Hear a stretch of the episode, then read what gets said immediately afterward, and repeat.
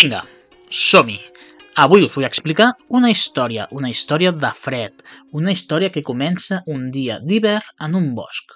Un bosc on viu una guineu que es diu Neu. I aquell dia estava molt i molt emocionada, ja que era el seu aniversari, i havia preparat un pastís gelat molt especial per compartir amb els seus amics. Mentre la guineu Neu estava preparant el pastís i està a punt de sortir de casa, es va trobar uns ratolins davant de casa seva. Eren en Buff, en Ruff i l'Espuff i estaven construint un castell. Un castell molt maco fet amb neu. La neu es va emocionar i li va preguntar si podria jugar amb ells. I ells van començar a dubtar i li van dir «Home, no sé, és que jo no sé si les guineus saben fer castells». L'altre li va dir «Home, és que ets molt gran».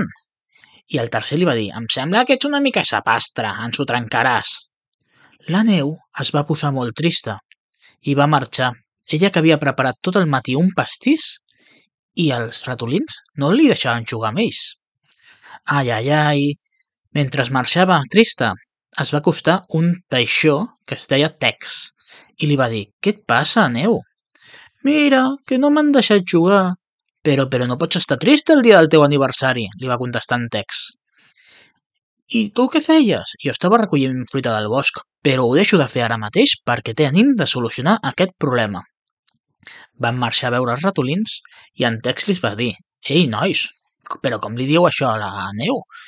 Els ratolins van començar a pensar i donar-se compte que havien estat una mica dolentots i que no havien estat prou, prou amables amb la guineu. Finalment, van decidir que jugarien junts. Van fer el castell una mica més gros i més gros i de cop i volta van arribar més animals. Una serp, dos esquirols, i van preguntar si podien jugar. I es van unir també al joc, perquè en aquell castell hi cabia tothom. Però va arribar l'hora de l'aniversari. La guineu neu va convidar a tots els seus amics a menjar pastís i en el moment que va treure el pastís, en Tex se li va ocórrer una idea molt i molt bona perquè la lliçó de jugar tots junts quedés més a la ment d'aquells animalons. Va començar a treure de la seva bossa tot de diferents fruits vermells, si un naviu, si un gerd, si una mora, si una cirereta d'arbós, i els va anar col·locant, i els hi va dir als animalets «Veieu que tots són diferents? Veieu que tots estan bons? Veieu lo bé que queda en aquest pastís?» Tots van dir que sí, i llavors ell va fer la reflexió «Doncs nosaltres som com aquests, tots diferents, però tots podem estar junts».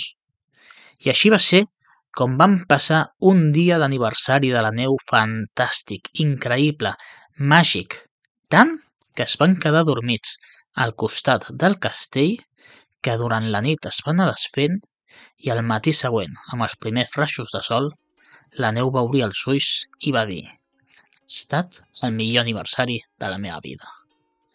Conte contat, conte acabat.